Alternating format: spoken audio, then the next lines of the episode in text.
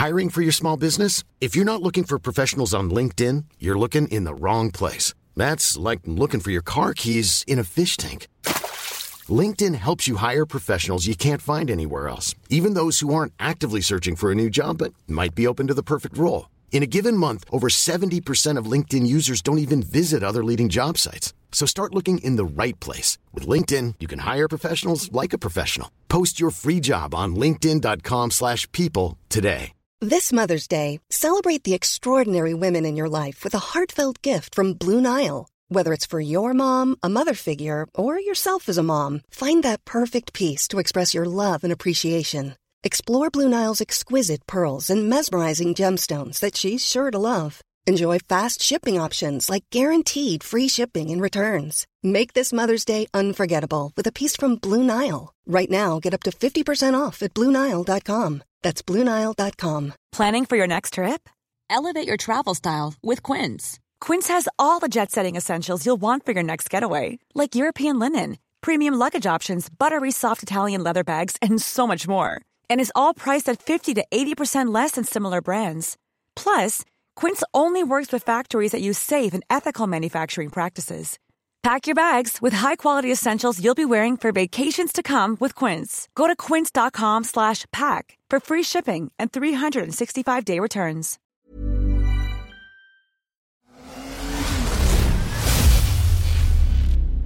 MC-podden. Du lyssnar på MC-podden. Jag heter Johan Ahlberg. Och jag heter Mikael Samuelsson.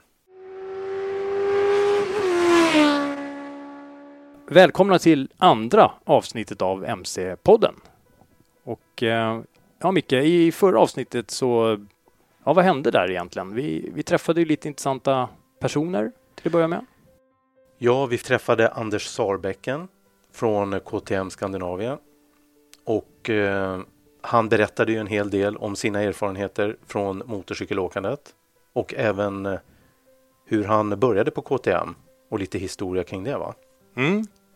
Jag tycker framförallt det som är intressant var ju kanske också att eh, få den här bilden, liksom komma in lite bakom kulisserna och man fick liksom inse att den här personen som ändå är VD för KTM Scandinavia faktiskt är en riktig entusiast, en riktig hojentusiast som verkligen gillar att köra motorcykel. Ja, en riktig motorcyklist. Ja. Stämmer. Ja, men det var intressant att höra vad han hade att säga såklart. Och eh, sen eh, fick vi ju också höra lite från självaste Keanu Reeves. Ja, tyvärr så, det var ju en liten sån här um, ehm, man kan säga att det är en lite svåråtkomlig intervju som eh, dessvärre ska, eh, drabbades av lite tekniska missöden, så det var lite tråkigt. Och jag hoppas verkligen att vi kan få återkomma med en lite mer fyllig eh, intervju med honom utan att lova för mycket här nu. Men han är ju verkligen en eh, genuin hojåkare som, som vi hörde då i intervjun kör motorcykel i stort sett dagligen och eh, också då driver det här motorcykelmärket eh, Arch Motorcycle som är ett extremt motorcykelmärke skulle man kunna säga. Eh, inte för vem som helst. Man kan ju bara tänka sig just den här eh, tanken på de här riktigt kända människorna, vilken frihetskänsla det måste vara. Vi som kör motorcykel vet ju om det här som man tjatar om, att det är en enorm frihet att köra motorcykel. Men jag kan ju bara föreställa mig om man är sån där kändis som alla springer efter eh, så fort de syns på gatorna. När de kommer på hoj istället. Eh, helt... Ingen vet att det är just en sån person bakom, eh, ja, in, innanför hjälmen så att säga. Det måste vara en väldigt skön känsla. Jag tänker osökt också på den här reklamen. Har du inte sett den med Brad Pitt? Han åker ju och handlar kaffe på en hoj. Mm, Jag vet inte nej. om du har tänkt på det? Nej. Men det finns, den, den rullar här på tvn. Aha. Och eh, då är det Brad Pitt, han åker iväg och ska handla lite kaffe, lite bönor för han gör eget kaffe hemma. Mm. Och då åker han på en hoj. Då tänker jag, jag tänker så här att han, han gör det lite anonymt. Han tar ju av sig hjälmen när han går in och handlar kaffe. Mm. Men när han åker där på hojen då är det ingen som vet att det är Brad Pitt som Nej. åker runt där. Så det, det stämmer det du säger Johan. Vet du något mer om hans eh, motorcykelintresse?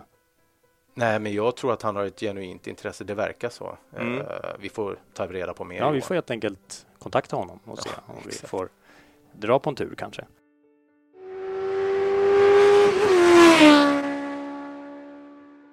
Vi har ju fått in lite, vi kan kalla det lyssnarönskemål också. Lite tips också från Ja. lyssnarna redan och det är jättekul. Ja vi tar ju emot det väldigt tacksamt och tycker det är fantastiskt roligt såklart. Eh, men vi, vissa saker kommer vi inte kunna av olika anledningar eh, lösa eh, snabbt. Men vi, vi har dem på en lista kan vi kalla det. Och, men vi, några grejer kommer vi att ta med redan i det, i det här avsnittet. Vi kommer bland annat ha med lite roliga grejer som vi tycker i alla fall. Det var ju någonting med Gissa hojen här till exempel. Ja, exakt. Kanske ett eh, ljudklipp på en eh, mer eller mindre känd motorcykelmodell. Mm. Och sen så får man då helt enkelt räcka upp handen och, och försöka gissa. Ja.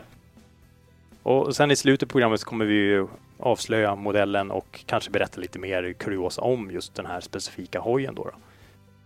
Vad var det mer Johan? Du hade fått något mail från någon som önskade lite om Vadå, vad var det? Ja. Motorcykelfys? Eh, vi tänker ju, ja, och jag tyckte det var väldigt intressant. Eh, jag, jag är ju själv väldigt intresserad av eh, fys som sådan, rent allmänt. Men många tror ju att motorcykelracing, ja men det är väl motorcykeln som, och framförallt motorn som gör jobbet. Men, och det ligger ju självklart någonting i det. Men det är ju att oavsett om du kör road racing eller drag racing eller speedway eller trial eller ja, eller, eller rent av enduro eller motocross så, så är det, krävs det ju inte bara teknik, eh, körteknik så att säga och, och massa sådana egenskaper utan också ibland väldigt specifik fys.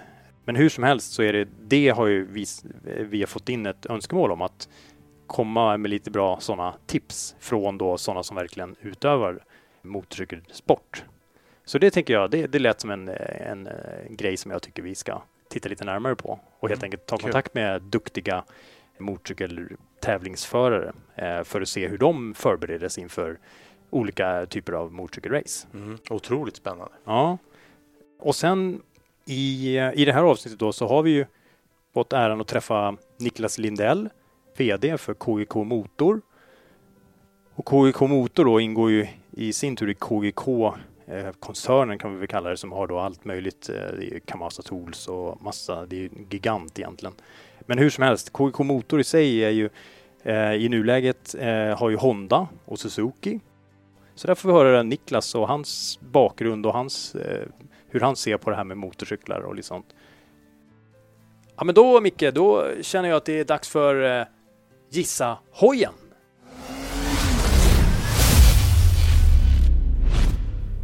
Ja men Micke, hur, hur tänker vi oss det här nu då? Gissa hojen. Ja, vi spelar upp ett eh, klipp från en eh, motorcykelmodell. Och sen så en bit in i programmet så spelar vi upp ett klipp till. För att avslutningsvis i slutet avslöja vilken MC-modell det var. Mm. Så det är egentligen räcka upp handen direkt om man kan, ungefär som lite på, jag tänker på eh, På spåret eller något liknande. Ja, precis. Ja. Eh, Nu har vi ju inte live på det sättet. Nej, att, det, eh, var ju lite tokigt. Nej, men eh, man får väl ta åt sig äran helt enkelt om man har gissat rätt. Mm. Är man så duktig att man på första ljudklippet kan gissa hojen, då får man ta åt sig äran. får man känna sig stolt. Ja, men då kör vi. Gissa hojen med MC-podden.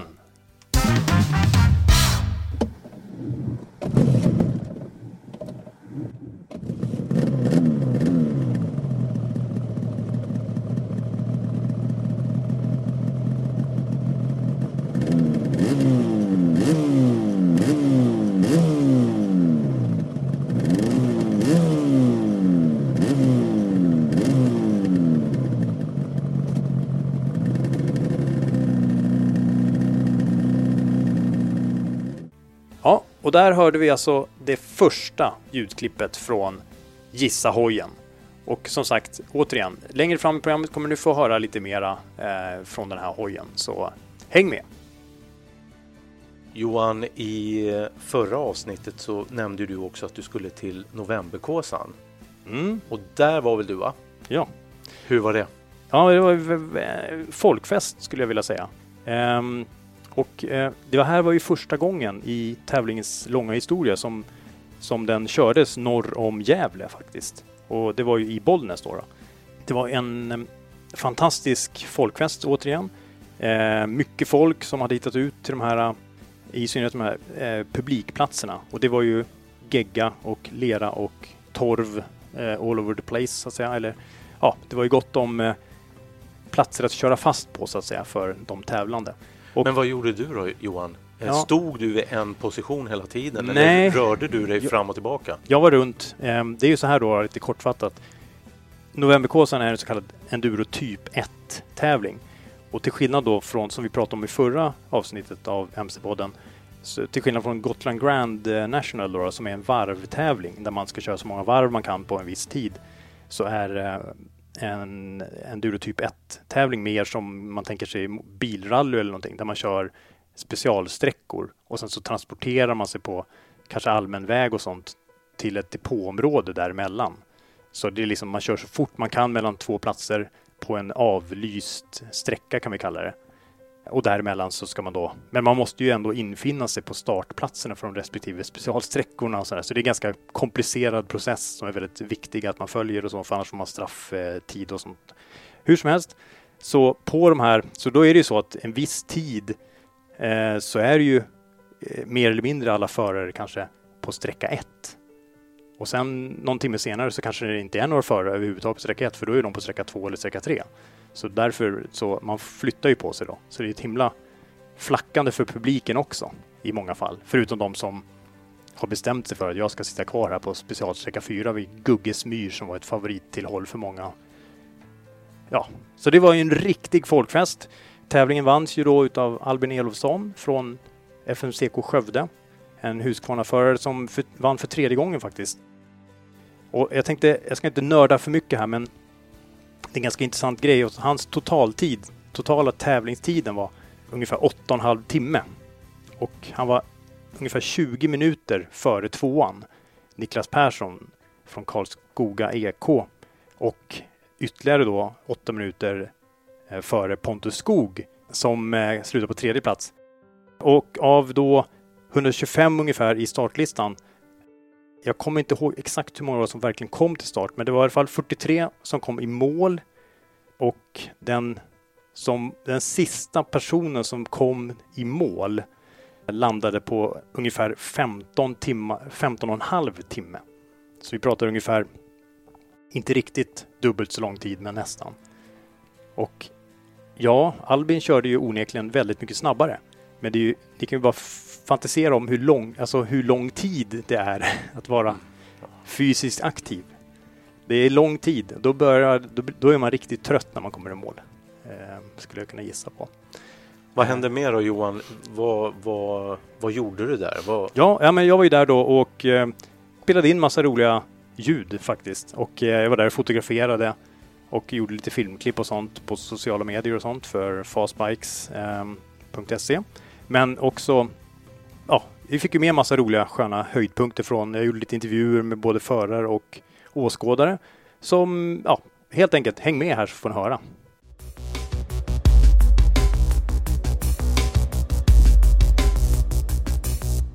Mina damer och herrar, vi ska ta av oss våra huvudbonader. Vi ska förkunna den svenska nationalsången. Givetvis applåd till Nina Söderqvist, mina damer och herrar! Du gamla, du fria, du fjällhöga nord. Du tysta, du glädjerika sköna.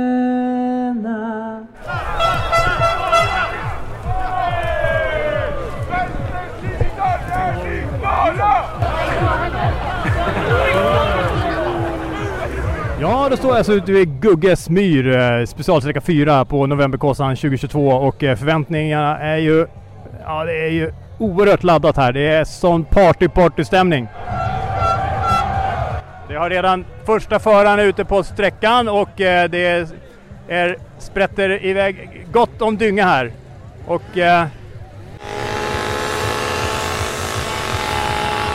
festen är igång så att säga.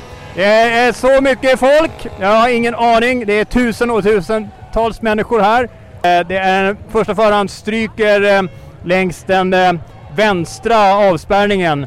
Har hittat något fint, vi kan kalla det ett idealspår, som verkar ändå förhållandevis tätt. Det sprutar rejält med dynga och torv upp i luften här, men det går ändå att ta sig igenom. Så att första föraren är igenom Gugges myr och nu har vi bara hundratalet förare kvar att njuta av. Men det är fullt ös!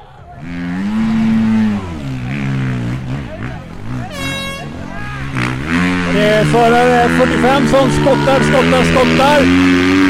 Det är en husbana fram genom Guggesmyr.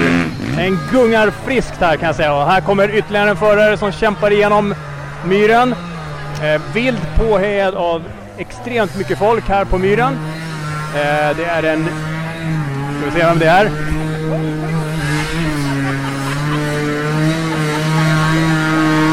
Nej, det är ju oerhört svårt att se.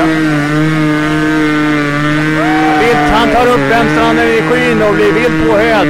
Det skottas och skottas. Det är torv överallt. Här är det folkfest. Jag hörde någonting om att varva genom karriären. Var det någon här som sa någonting? Nej. nej, nej då. någon som inte hade varvat så mycket genom hela karriären. Nej, inte jag. Inte jag. Nej. Nej, jag varvar jämt. Ja. Fråga. Eh, brukar ni vara på Kåsan och kolla läget? Jo då, det händer. Alltid. Ja, absolut. Jag åker land och rike faktiskt. Det är så? Ja. Ja, hur många gånger har du varit på Kåsan? Det är många, man följde med när man var liten också med föräldrarna liksom och titta och alltid varit motorintresserad. Vad, vad är grejen? Vad, varför åker du på Kåsan tycker Ja du? men det ser jag här, det är stämningen runt omkring. Det är publikfest, alla är glada, det är trevligt och mycket motorljud. Konsten att ta sig fram på motorcykel. Precis. Hur många tar sig i mål tror ni? Ja, 30. ungefär. 30-talet? Ja. Vad har vi för namn på er då, om man får fråga? Eh, Stefan Melin heter jag, Kommer ifrån? Gävle. Johan Birgersson, Gävle. Och Johan, du, eh, hur många gånger har du hängt på också många gånger och kollat? Jo då, jag har varit runt. Jag håller på att tävla själv i både motorcykel och crosskart och grejer. Så. Ja. Någon Kåsa själv? Ingen kåsa. Jag har Kåsa. Du har kört? Ja, men jag fick bryta tyvärr. Vilken då? Eh, 2010 Gävle.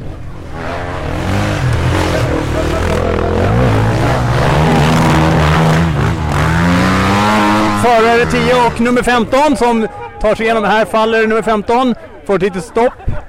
Eh, och, eh, men är på G igen med sin Kärko. Eh, öser det fram. Det såg fint ut ändå. Det var en liten fadäs där bara men ladda på bra kan man säga. Ja, gratis eh, spabehandling här på Guggesmyr. Ja. Hur känns det här då? Har du varit på spabehandling förut?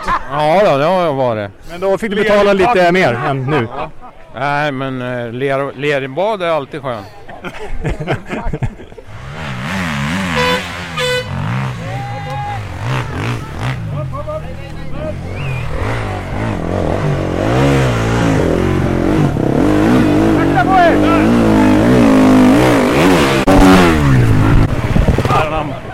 Ja, där fick även jag med ett litet spabad.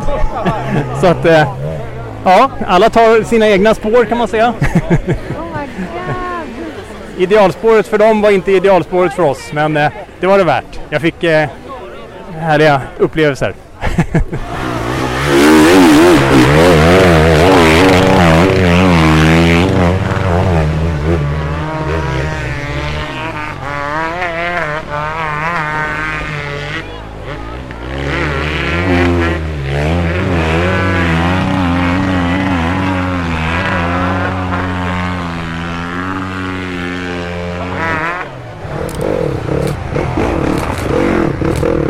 Och det är Tre som kör igenom här. Gasar på friskt här. Flyttar myren ut i publiken. Och ännu fler som får gratis spabad. Eh, den kända Gugges myr-beryktade torv. Säkert är jättehälsosam för hud, kropp och själ. Ja, det är härlig folkfest. Fantastiskt, underbart, precis som det ska vara på Kåsan. Och det här är alltså fortfarande på dagen. Eh, och det är ju som bekant på Novemberkåsan då så är det ju på natten som det avgörs. Och här har vi förare nummer... Eh, oh, åh, vad kan det vara? Nummer 18 ser det ut att vara. Nummer 18 som är på ingång. Det är publikens jubel. Det gick ju fint där med KTM genom myren. Den, eh, han körde lugnt och fint. En del kör ju liksom full ladd genom på varvtalsstoppet hela vägen medan andra lugnt och metodiskt äter sig i, fram genom myren. Och det är före nummer 31 som är vilt påhejad av eh, motorsågsbärandes eh, ungdom.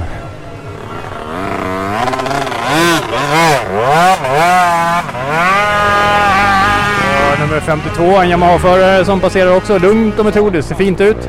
Smyger liksom igenom myren. Ingen dramatik. Och torven på Guggesmyr fortsätter att flyga all världens väg. Det finns ju gott om varan men eh, man kan ju bara undra hur det kommer att se ut här när eh, mörkret faller i natt. En myr som antagligen sällan ser människor normalt sett. Som plötsligt gästas av tusentals människor. Som står på varenda liten plats där det går att stå där man inte sjunker ner i det bottenlösa dyn. Nummer 85. Rakar igenom fint här.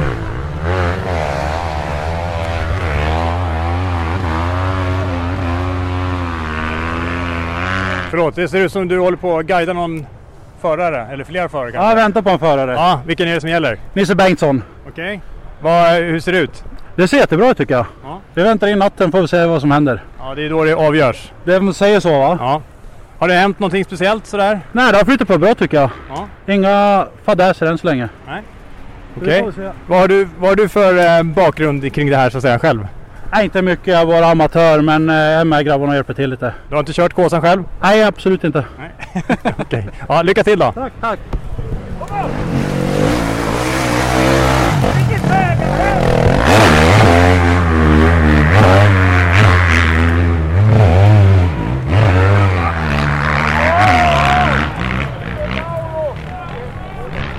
Ni hör ju vackert, vackert. Eh, jag Det är alltså sträcka SS1 eller sträcka 5.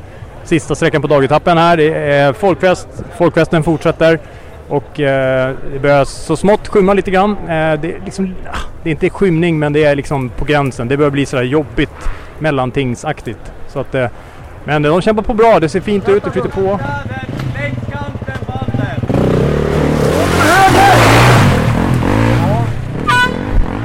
Det var Hus. Ska vi se vad hon tar. Ja, det går fint. Lugnt och sansat Matilda Hust till höger. De blåa... Nej, hon körde hon fast. Hon körde fast där. Det börjar bli surt i diket där borta. Där måste... Och det var Eilegård, kommentatorn på Novemberkåsan som kör det här tillsammans med Per Busk. Eh, Niklas Eilegård och eh, Per Busk då alltså som kommenterade. Var, vi hörde lite ett smakprov och eh, det sprids en eh, blå rök här över eh, myren, mossen, geggar, lerdynghålet här. Det är återigen härlig stämning. Nu kommer nästa förare in på nummer 58. 58 en kärkoförare. Och många andra förare. Ja, jag tänkte bara höra. Det ser ut som att du står och väntar på en specifik förare. Ja, kan det jag vara har så? Ja, jag har några stycken. som Okej. väntar på. Vil- vilka är det då? Eh, Jonas Lindström på startnummer 9 och eh, nummer 17 Johan Karlsson. Okej. Kör för SNK Dala. Hur ser det ut? Ja, det är blött. Jag tänkte för förarna som sådant. Ser, är det pikt och fräscht in på sista dagsträckan? Ja, men det tycker jag. De eh, hänger i bra. Det tycker jag. Det, det är en promenad det här. Sen kommer det ju sen. Men eh, har allt gått som tänkt mer eller mindre eller inga st- större knas? Nej, de har ju tidiga startnummer så det får de nog vara glada över tror jag. Som det ser ut. Vad har du hört hittills då? Är det något speciellt de har sagt? De kanske inte haft tid att säga så mycket i och för sig. Jag tänker på vad som har varit största utmaningen eller något strul eller något. Nej, jag låter som det har flyttat på vad jag har hört ifrån depån i alla fall. Så att, Va, va, vad säger du då? Hur många kommer i mål? 20. 20 i mål. Och du heter? Robin Norberg. Tack så mycket. Nummer 52 på ingång, en Yamaha-förare som tappert.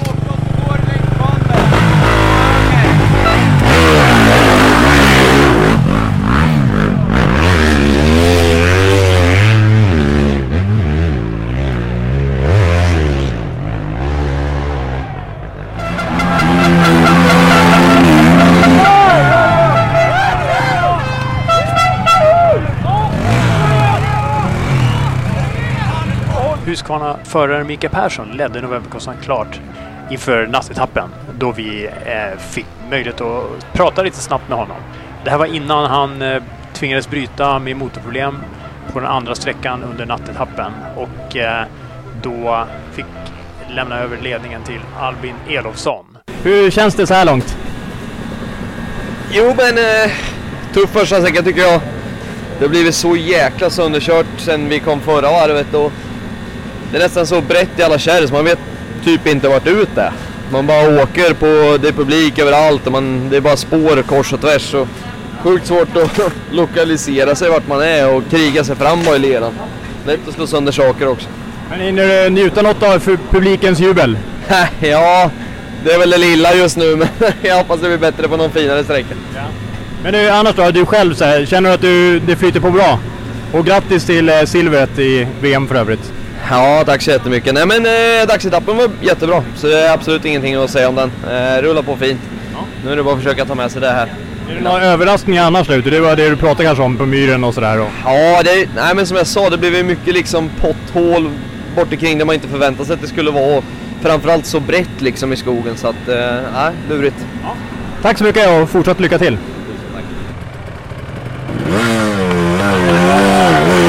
Och här får vi höra vad eh, Matilda Huss har att säga efter en paus i eh, depån mellan eh, sträcka 4 och 5 på dagen. Precis som Mikael Persson så tvingades Matilda att slänga in handduken under sjunde sträckan och det var till följd av att hon inte ville riskera en skada i nyckelbenet som hon haft problem med tidigare. Men här får vi höra vad hon hade att säga.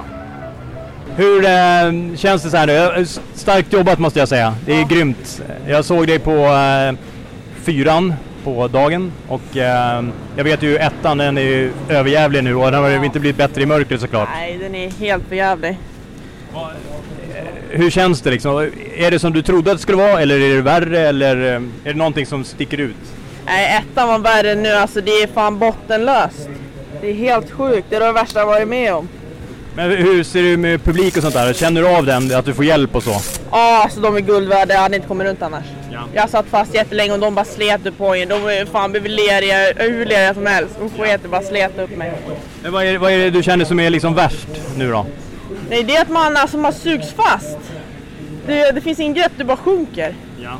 Men tvåan och trean är bättre, men eh, ettan den är hemsk alltså. Ja. Fyran den, eh, den är också, men ettan är värst. Fy fan. Ja. Men vad, hur tänker du att du ska kötta dig igenom det här nu då? Vad är, hur ser taktiken ut liksom? Ja, det är väl bara att tugga igenom, bita ihop. Ja. Vi tror på dig. Ja, tack. Lycka till nu. Tack.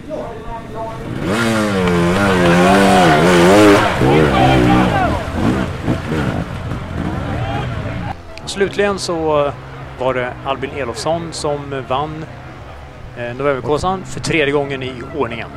Stort grattis Albin!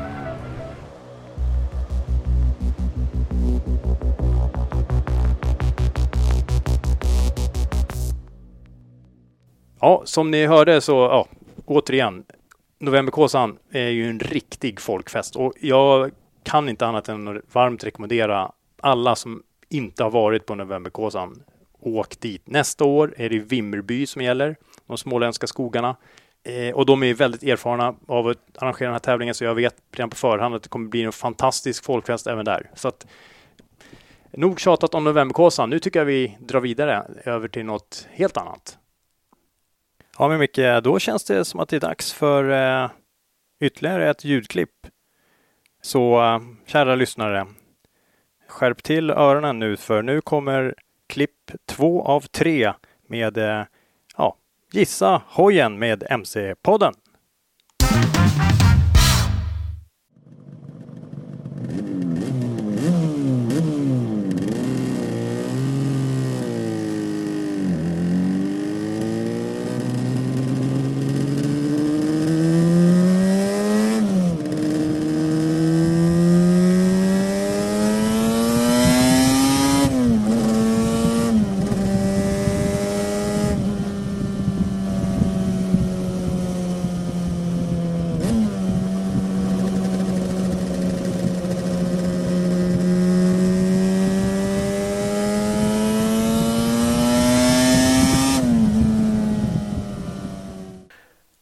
Ett mitt eh, tips på vägen är att det här är ingen ny hoj direkt utan det här är en klassisk äldre hoj. Vi pratar 80-tal.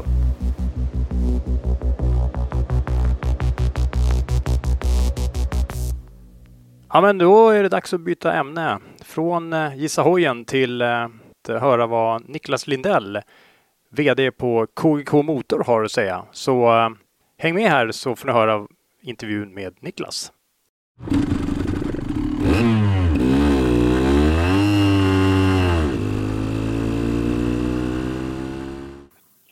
Niklas Lindell, VD då på KGK Motor som ligger i Sollentuna i Häggvik utanför Stockholm.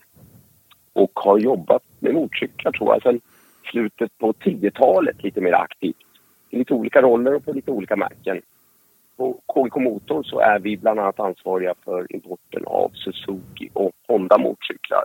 Vi har även en stor marinsida under paraplyt KGK Motor där vi har Suzuki ombord och ett flertal båtmärken.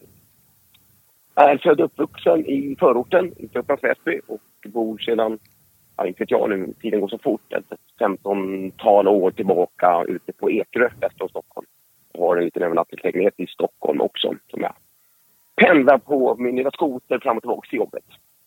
Så så ser det väl ut just nu. Mm. Men jag tänker på, eh, jag vet inte om vi skulle kunna börja med eh, om du beskriver eh, hur du skulle kunna beskriva KGK Motors resa från när du började i företaget tills där vi är idag. Och sen skulle vi kunna bara fortsätta, låt säga tio år in i framtiden. Vi kollar i kristallkulan också. Ja, men lite spännande tror jag. Och man ska komma ihåg att KGK Motor, eller KGK Suzuki som det hette, startade eh, faktiskt för 40 år sedan, ganska precis, 1982 med att man förvärvade just Suzuki från då, det var en konstellation med Motorservice och Husell som då mera låg i Karlstad. Och på den tiden så var ju, i början på 80-talet, Suzuki motorcyklar, det var ju en riktig hype och en riktigt stor försäljningsframgång. Och sen i slutet på 80-talet kom ju Suzuki, som alla vet, med hela Gixxer-eran. Det var en väldig framgång. På den tiden så var utombordsmotorer å andra sidan ingenting som man ville jobba med. Att jag nämner det här, för sen så svängde pendeln om, så numera är Suzuki utombordare, en parentes i och för sig, det, det är det som är framtiden, det är det som är det schyssta.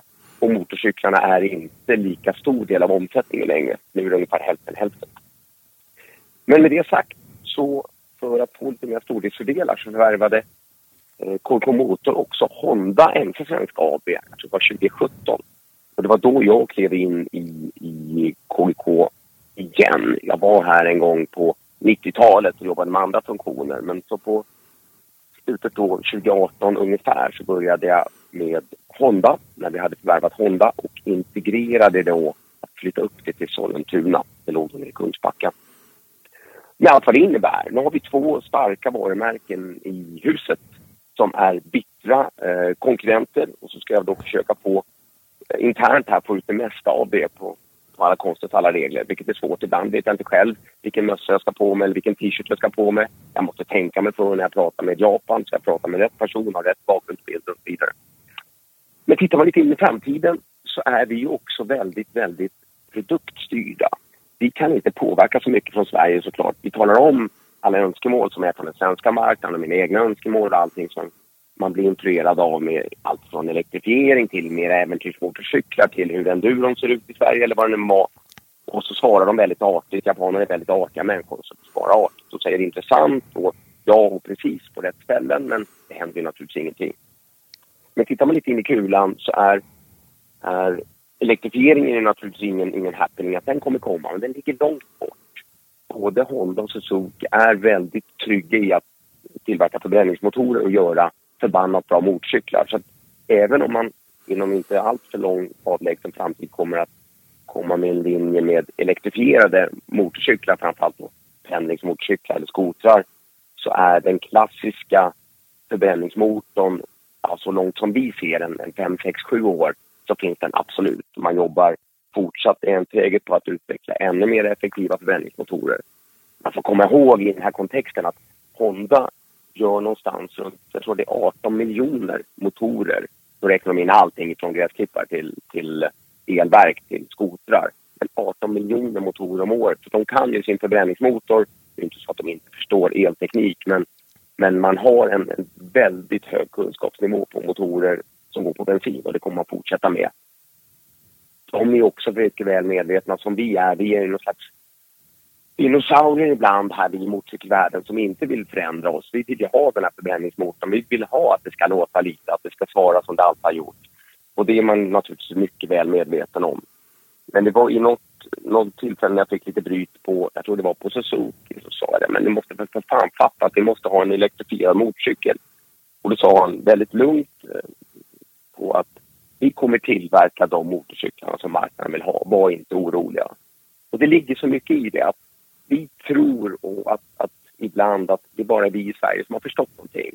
Men de är klart, de, de kan sin marknad och de, med väldigt mycket självförtroende så kommer, så vet jag att vi kommer få fram de motorcyklar som marknaden vill ha. Om de som är elektrifierade eller om det är förbränningsmotor eller vad det nu var, om det är mera äventyrsmotorcyklar eller mera motocross eller vad det nu var, mera hybrider, så kommer det komma det. För det är inga nybörjare som sitter på de här företagen, det är det inte. Vad branschen tror och vill och sådär, är ju en sak kanske, men vad, vad, vad tycker du och vad tror du själv om den så att säga, elektrifierade framtiden för motorcyklar? Alltså jag är ju jättedelad här. Å ena sidan måste man komma ihåg att jag kommer från en väldigt teknikintensiv bakgrund och gillar allt med teknik. Så med det perspektivet så gillar jag verkligen elfordon också. Sen, har man, sen är jag ju som då många gamla generationen bli väldigt trygga i förbränningsmotorn och det känns som att ska jag kasta all min kunskap som jag jobbat upp sedan 80-talet på förbränningsmotorer, den vill jag ju kunna använda på något sätt. Man vill också kunna använda hur man kör en förbränningsmotor när man har lärt sig till exempel inom motocrossen eller enduron hur man använder kopplingen på en, på en till exempel en tvåtaktare. Och det känns lika, ja då ska inte jag kunna det längre, ska inte behöva den kunskapen. Nej, nu sitter en elmotor där, behöver inte ens växla längre. Mm. På men, det sättet kan jag tycka vad, tr vad tråkigt. Men vad, vad, tror du om ja, alternativet då med e-bränsle som ett alternativ där man fortfarande kan använda förbränningsmotorn med något alternativt bränsle helt enkelt? Ja, alltså, jag sitter även med i en del nätverk inom fordonsindustrin. Och det är klart att ska man vara väldigt sund så är ju till exempel HVO eller miljöbränslen, det är en, tycker jag, det, är en, det ena utesluter inte det andra. Utan det är ju mixen här som är det bästa. Man måste låta marknaden styra lite grann. Mm. Jag tror att det är en, ett väldigt bra komplement. Och utan att kunna så mycket i detalj om hur man bygger en modern fyrtaktsmotor så kommer det absolut gå att använda dem på ett eller annat sätt i våra motorer också mm. med den tekniken vi har. Men... Men jag vill heller inte, jag måste också få oss att förstå på något sätt att elen är ingen, så att säga, det är ingen fluga, den har kommit för att stanna. Vi får fasen anpassa oss vi också. Mm. Och jag var väldigt tidigt ute, jag kommer ihåg min första upplevelse, det var på en, en freeride som Anders Sarbäcken hade med sig, Anders Sarbäcken från KTM hade med sig på något sånt här branschevent. Och jag tror att det var jag och Tobias på Ducati som var först ut och testade den där och vi kom på oss själva, det här är ju några år sedan nu, fan vad vi åkte på den där och det var riktigt kul. Man får, man får komma ihåg att man måste våga testa lite nytt. Och det är klart att det är svårt att testa nytt när man blir gammal men jag är helt övertygad om att jag själv kommer sitta på det. var jättenära till exempel att jag la order på en sån här stark bara för att fan vilken cool produkt. Nu kan jag inte göra det av flera politiska skäl för jag ska naturligtvis hålla mig till Suzuki och Honda. Men med det sagt, jag kommer att nog vara den, inte den första men åtminstone den andra som kommer att åka ett elektrifierat fordon. Så att jag tror på det. Jag förstår ju såklart att det kommer att stanna men jag tror som du är inne på Johan att den bästa kombinationen kanske är någon form av miljöbränsle också. Mm. Vad, vad, tror, vad skulle du sakna mest i en framtid där alla motorcyklar är eldrivna? Ja, med risk för att låta så här jättegammal så är det ju naturligtvis ljudet och någon slags diffus känsla. Mm. Men jag tänker att jag tror vi vänjer oss jättefort. Jag var nu på Gotland på, på Grand i den som var nu för nästan tre veckor sedan också på lördagen där, eftersom jag nu är gammal, så kör man på fredagen. Så på lördagen gick jag och spankulerade och kikade lite grann. Och då var just el, elcyklarna där. Och känner man, men fan vad, vad fjuttigt det låter. Fast jag vet ju hur mycket de sliter, hur kul de grabbarna har också. Mm. Så att, nej, det handlar nog bara om ett mindset. Vi ska bara vänja oss.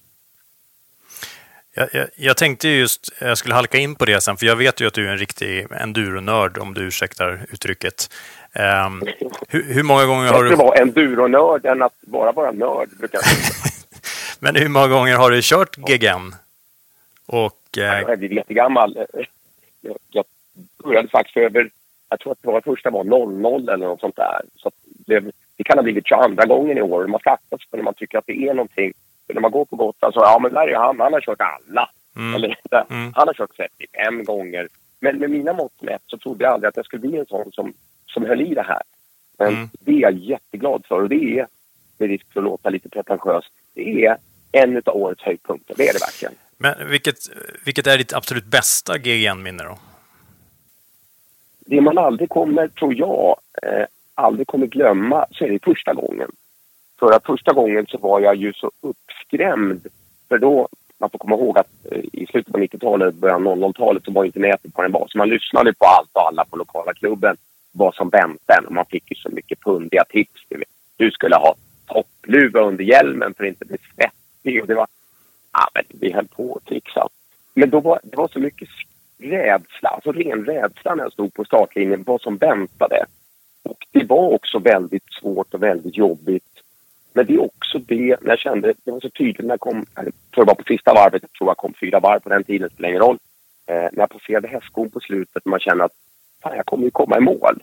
Och jag, det var en sån euforisk känsla. Jag satt där på cykeln, körde så långsamt, körde ner varenda jävla håla och jag ramlade och välte. Men jag var ändå, fan, det här är ju lite kul någonstans. Även om det gjorde ont och det var blåsor och det var elände. Så det, den första kommer jag aldrig glömma. Det kommer jag aldrig göra. Mm. Och sen har jag också tendens som ju längre tiden går tillbaks så kommer man ihåg de roliga sakerna. Men låt det vara så. Så den första Johan, absolut. Alla kategorier. Jag tänker på, som en liten direkt följdfråga på det där. Du har aldrig haft några funderingar på att eh, ta nästa steg? Typ köra Novemberkåsan eller dylikt? jo, det har jag också lite typiskt mig. Jo, men det har jag varenda gång jag åker hem från Gotland. Nej, men nu jävlar ska jag åka Kåsan. Och så tänker jag, ah, det är lite kort med tid här. Ja, men nästa år, tänker jag. Och så blir det aldrig. Och det där är lite synd. Mm. Däremot så om jag ska vara lite seriös så följer jag Kåsan. Jag har tittat på den flera gånger. Och den är inte bara ett snäpp, den är liksom två snäpp för svår för en kille som mig. Jag är en typisk motionär. När det är ett riktigt fint Gotland, ett riktigt torrt som i år till exempel, så kommer jag precis sex varv. Så man ska förstå att jag är en väldigt medioker motionär. Och Kåsan är en hardcore-tävling. Blir det som, som förra året när det är riktigt blött. Alltså det, det kommer vara... Jag kommer bli så ledsen för jag kommer inte ha en chans. Däremot så skulle teoretiskt då, teoretiskt säger Johan, utan att, att förminska någons prestation, kanske jag skulle kunna ha en chans när det är ett riktigt, som de duktiga säger, nej det här var alldeles för lätt år, det var inget kul. Ja men då kanske jag skulle klara av det. Mm. Men, men det ligger där någonstans och ska mogna. Och, mm. Mm. Jag, jag råkar ju veta att du är ett, eh, en fysmänniska, håller på kör mycket andra race, springer mycket, cyklar och har dig. Och eh, om man då tänker på det, hur skulle du säga att GGN exempelvis nu då, står sig i jämförelse med att exempelvis genomföra Vasaloppet, kanske Vätternrundan eller kanske rent av eh, Ironman, som jag vet att du har genomfört ett antal gånger? Ja, och jag tycker att, att fördelen med enduron eller crossen det är att du har långa perioder och partier där du på gott och ont kan återhämta dig mycket bättre. Om man till exempel kör ett, ett cykellopp eller ett löparlopp så ligger du på ganska hög och jämn ansträngning. Och vilket kan vara ganska mentalt jobbigt att det kommer inga riktigt långa nedförsbackar och så vidare. Om man nu undantar och inte resonerar som eliten, för de, de slappnar ju naturligtvis aldrig av på GGN, eh, så kommer det ju många lättare partier när man kommer ut på myrar eller man har passerat ett parti där man kan faktiskt sätta sig ner och andas några sekunder. Så ur den kontexten så tycker jag GGN är betydligt enklare och inte alls lika... När man står på startlinjen till exempel inför Vätternrundan så vet man att det här kommer bli jobbigt. För man vet att jag kommer mer eller mindre lida i 8, 10, 12 eller 14 timmar eller vad det nu tar för en. Det är lite samma sak med långa löparlopp. Att det här är ingen lek. Men på Gotland så vet man att nej, men jag kommer att tycka att det är rätt roligt stundtals. Långt ifrån hela loppet. Men det kommer komma perioder där jag kan faktiskt återhämta mig lite grann och tycka att det här är riktigt kul. Mm. Och, och, när det gäller det här kul, vad, vad, jag menar motorcykelbranschen är ju högst eh, speciell där. Jag menar de, många i motorcykelbranschen jobbar ju där för de har en brinnande passion för just motorcyklar. Och eh, inte alla kanske, men många. Eh, och vad skulle du säga är det bästa med motorcyklar? Gentemot ja, vi har ju faktiskt till och med vår lilla payoff, för att låta lite flosker här, så har vi passion på land och sjö. Det är det som är KK Motor. Och det var faktiskt några som varnade mig för det. Men Niklas, inte ska du börja jobba med motorcyklar. Du som verkligen gillar det, du kommer tröttna. Och det där har legat som ett litet mantra att, att ja, nu kommer jag tröttna. Men jag gjorde aldrig det. Och nu har jag jobbat i så många år med det här så att jag kommer aldrig tröttna. Jag tycker fortfarande i olika konstellationer att det är riktigt kul att dels jobba med motorcyklar men också att köra motorcykel. Det är något barnsligt i mig som gör att när jag kan hitta den kopplingen mellan jobb och motorcyklar så är det bara någon slags win-win Mm. på något sätt. Det är lite svårt att definiera men vi är en klick som verkligen gillar motorcyklar. Som, alltså vi som är i branschen som verkligen gillar motorcyklar och som också lyckas omsätta det här till jobbet. Att vi lyckas ibland, hoppas jag i alla fall, förmedla det till medarbetare, till branschen och även till slutkunder. Jag tror att det, det avspeglar, som man ska se lite affärsmässigt på det, det syns hos våra slutkunder och i marknad och bransch om vi verkligen gillar det här med motorcyklar. Vilket jag vet att det är ett flertal som gör, inklusive mig själv. Mm. Att, ja, det, är en, det är nästan, det låter lite pretentiöst, det är en ynnest att få jobba med det som man verkligen gillar. Och om man då dessutom, som i mitt fall, inte tröttnar på det så är det väl fantastiskt. Då. Ja. Vad, eh, hur skulle du eh, säga att den riktigt bra, eller kanske rent av den perfekta hojdagen ser ut? Och vilken motorcykel kör du? Det där blir ju en jätte, jättebred fråga. Är det. Eh, om vi tar den lätta först, vilken motorcykel kör du? Så nu när det börjar bli kallt eh, så pendlar jag på en liten 300 skoter som jag tycker är helt fantastiskt bra. Eh, det gör jag av flera anledningar. Dels att det är väldigt smidigt att ta sig från stan eh, till Sollentuna-kontoret. Men också i någon slags protest här mot vägtullar och parkeringsavgifter och vad det nu må vara.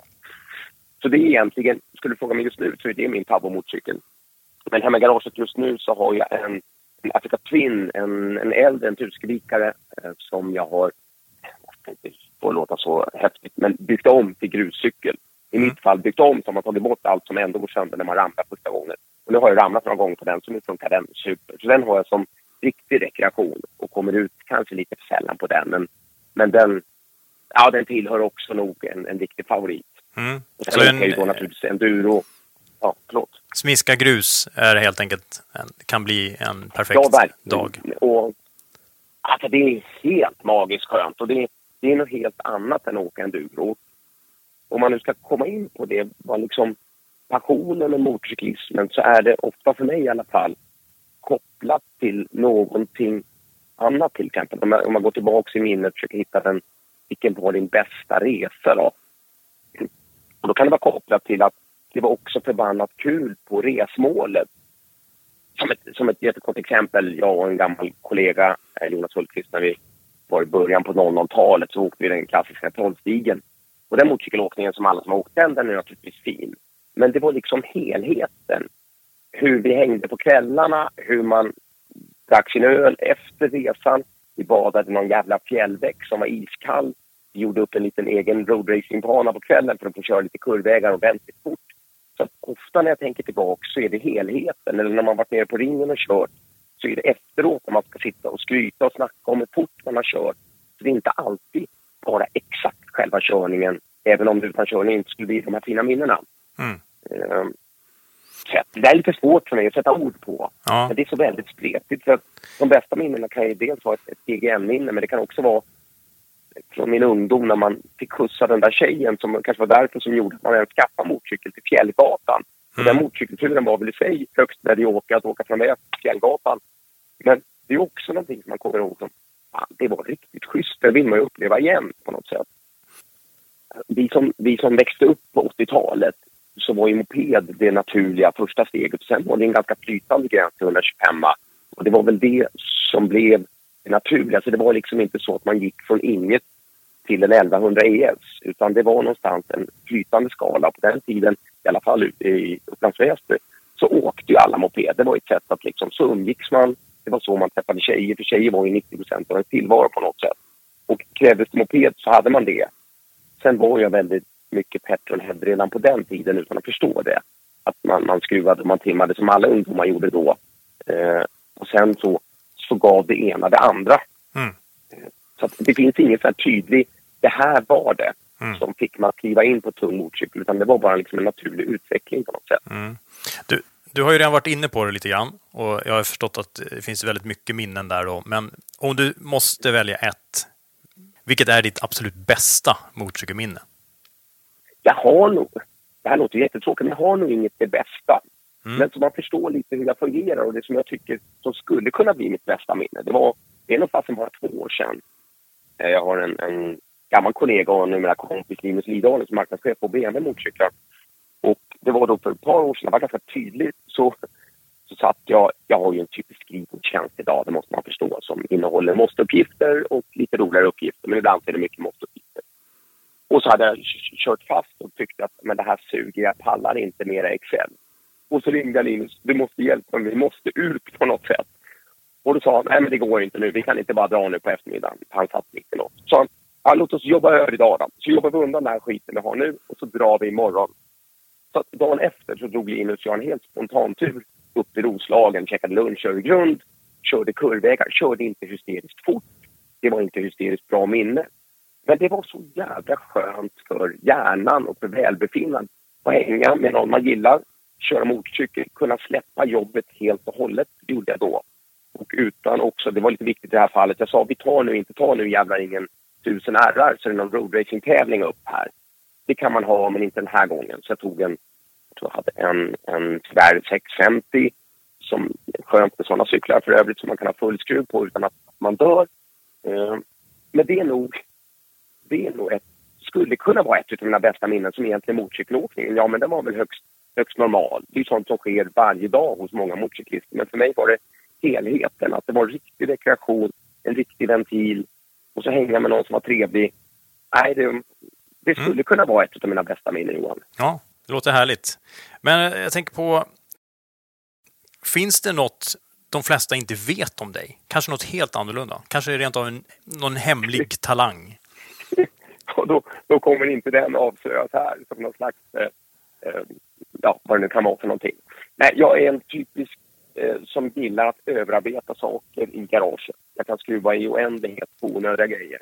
Och eh, jag sa det, jag har en ganska gammal Honda 450 för att, vara, för att jobba, på, jobba med Honda så borde jag naturligtvis ha den senaste årsmodellen eller bara en årsmodell gammal. Men jag har en 2019 som är så jävla överarbetad och överservad. Jag mår så bra av att serva den där motorcykeln. Den är så jävla schysst skick så jag kan bara inte byta den. Mm. Det var naturligtvis inte det du frågade, men jag försökte bara komma undan svaret här för att inte obekväm. Äh, du är inte bara en enduronörd, du är lite garagenörd kanske? Helt enkelt. Eller? Ja, faktiskt. Och det, alltså det, det är så jävla schysst att få gå ut och hålla på med något helt onyttigt i garaget och skruva på. Ta isär länkaget. Ja, men du har redan tagit isär länkaget i år. Liksom. Du, det, kom, det har inte gått in på... Ja, men man vet aldrig och så kan jag göra det en kväll. Så, mm. så mår jag lite bra av det. Men eh, skulle man inte kunna säga att det är en hemlig talang? Du är ju trots allt en, eh, ursäkta uttrycket, kontorsrotta som ändå kan det tekniska och kan mecka och gillar att mecka i garaget. Ja, så är det och verkligen. Och det här är en balansgång också. Om man nu ska prata lite jobb så är det en balansgång när man förväntas ju vara på ett visst sätt i företagssammanhang när man är ansvarig för ett bolag som jag är. Men jag tar alla chanser, bra eller dåligt, att gå ner och skruva. Vi har en ganska stor verkstad här i Sollentuna på KIK.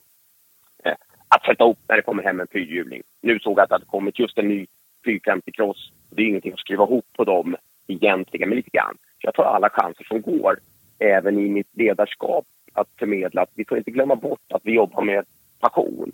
Vi jobbar med produkter som får folk lyckliga. Och en stor del i det här i det som vi kallar för kundgrupp 1 vi nördar, för att använda ditt ord Johan. Eh, vi, vi måste förstå vad det, är de, vad det är de gillar. Och för att förstå det så en stor del det är faktiskt skruvandet, skapandet. Att man gör den lite personlig. Det kan vara alltid från man skruvar dit någon onödig styrända till att man, man sätter dit en annan hasplåt som inte är alls bättre än originalhasplåten. Men bara för att, nej men så här vill jag ha det. Mm. Det tycker jag är jätteviktigt att förmedla som någon slags ledarskapsfråga också. Sen så finns det många elaka då som kan säga att men fan, vdn han ska väl för fan inte gå ner, det ska ju någon annan göra. Du har viktigare saker att göra. Ja, så kan det vara. Och så kanske det får vara i sådana fall. Det bryr jag mig inte så mycket om. Jag går ner på verkstaden ändå. Mm. Låter som en bra grej tycker jag. Eh, jag tänkte vi ska avrunda med en eh, lite annorlunda sak. Vi kallar den 10 snabba och den går till så att du kommer få ett antal frågor med två svarsalternativ. Du får bara välja ett och inget politikerravel här med någon mellanmjölksvariant där du safear. Jag är Utan politiker ska jag säga Johan. Ja. Det behöver inte vara för. Passar perfekt för det här. Tänka snabbt. Ja. Det kan gå åt helvete. Jag har till och med en bok. Tänka snabbt, agera långsamt. Eller jag vet inte vad boken heter. Bara för att det går så långt. Kör Johan. Ja, då så. 10 snabba med Niklas Lindell. Tvåtakt eller fyrtakt? Fyrtakt. Bensin eller el? Bensin. On eller offroad? Offroad. Kick eller elstart? Numera helt klart alla kategorier. Ja. Stark eller smidig? Nej, nog på smidig. Ja. Enkelkuts eller bönpall? Nej, nu är enkelkuts. Nu för tiden. Skinn eller textil? Åh, vad tråkigt. Textil. Fan, vad trist. Åh, Muller eller dämpat? dämpat. Wheelie? Det var det inte för 20 år sedan. Nej. Wheelie eller stoppie?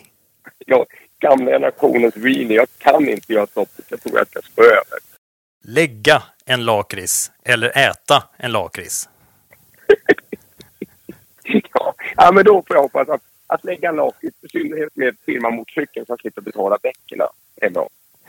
Okej, härligt. Det var de tio snabba.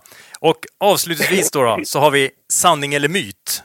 Ja, det är bra. Har motorcyklister och framförallt enduroförare ett roligare liv än alla andra? Det är ju definitivt sanning. Den kan jag skriva under på alla gånger. Kan du utveckla det lite? Eftersom jag själv anser mig vara, även om jag inte är så duktig, så anser jag mig vara en typisk motionärs enduro-motorcyklisten. Och ja, jag lever över den normala glädjen i Sverige. Det är jag helt säker på.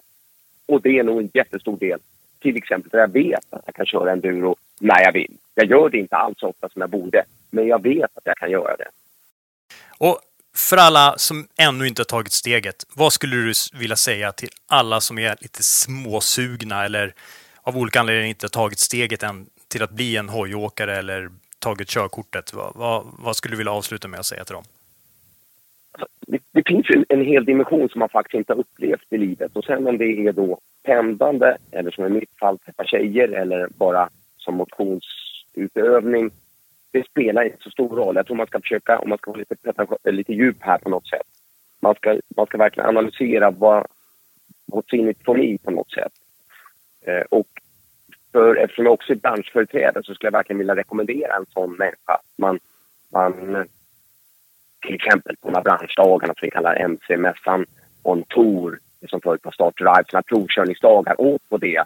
Sen kan det vara lite svårt när man åker till sin lokala återförsäljare som är väldigt duktig på det här, att få provköra när man inte har körkort. Men, men passa på och försök att prova mycket. Provsitt och torrbryt och kolla runt. Försöka hitta den här dimensionen i livet som till exempel som, jag har hittat. För det finns där en jättestor anledning även för de som inte redan är frälsta i motorcyklismen. Men det kan vara väldigt brett. Det kan vara allt ifrån roadracing och adrenalinpåslaget som är helt magiskt att uppleva till att man, man svarvar fast cykeln i ett jävla gyttjehål och svär och säger jag ska aldrig någonsin överhuvudtaget köra något mer. Och sen när man, när man har tvättat cykeln efteråt så är man hur lycklig och glad ändå som helst. Eller bara att köra förbi bilarna på Essingeleden som jag gör på morgonen. Fan, vilken skön känsla. Jag, verkligen, det är verkligen någonting som jag skulle vilja unna fler att upptäcka. Men det är ett ganska stort trappsteg om man aldrig har varit i branschen, det är det. Men det går att hacka ner den här i mindre små delmål och faktiskt ta sig in i den här fantastiska världen. Det låter helt fantastiskt. Och med de orden så tackar jag dig Niklas för det här samtalet. Tack så mycket. Stort tack! Stort tack Johan att jag fick vara med. Tack!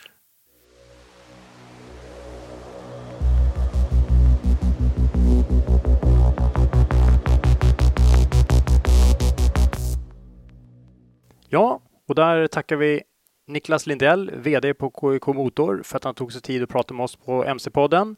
Och eh, det börjar närma sig sitt slut på det här avsnittet av MC-podden. Men eh, det är inte riktigt slut än. Vi har lite mer grejer på gång här eh, och eh, inte minst tredje och sista ljudklippet med Gissa hojen. Gissa hojen med MC-podden.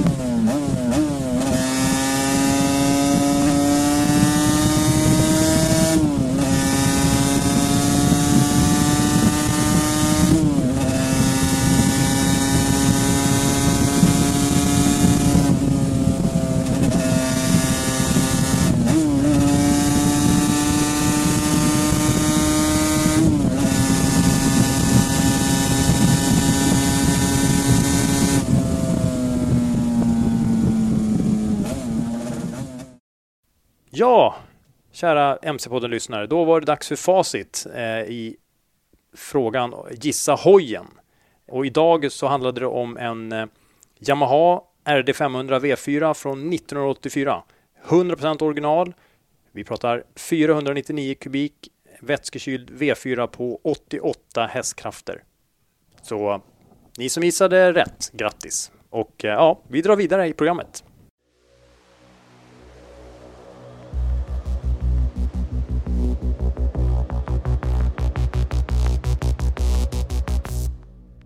I nästa avsnitt av MC-podden så kommer ju du och jag Johan att eh, sammanfatta våra provkörningar. Du ska ju till Portugal och provköra KTM 890 Adventure och jag ska till Spanien och provköra BMWs S1000 RR och eh, en modell till som heter M1000R. Mm. Spännande. Vad händer mer i eh, nästa Ja. avsnitt? I nästa avsnitt av MC-podden så kommer vi också uh, gästas av en, eh, ja, minst sagt en MC-profil som har varit med oerhört länge i den här branschen. Eh, det är en av Sveriges eh, mest erfarna motorcykeljournalister.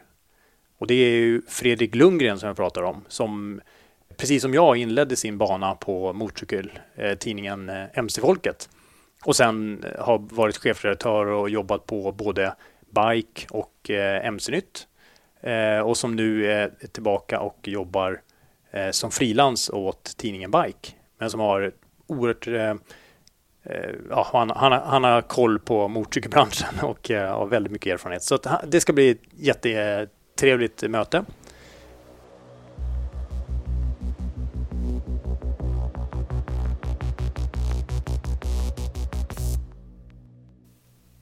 Då börjar det bli dags att runda av Johan. Vi närmar oss slutet av detta avsnitt och vi vill tacka alla er som har lyssnat och så hörs vi igen framåt i nästa avsnitt. Ja, och eh, kan jag ju passa på att påminna. Det är jättekul att få feedback och i alla dess former. Och eh, så eh, fortsätt och eh, mejla in på fastbikes.se så har ni en flik under kontakta oss så kan ni skicka in lite feedback där. Vi tar jättegärna emot alla tips och tricks och alla önskemål om saker ni jättegärna vill höra mer om här i MC-podden. Tack för oss!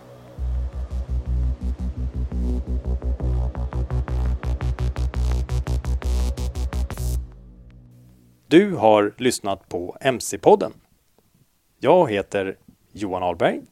Och jag heter Mikael Samuelsson.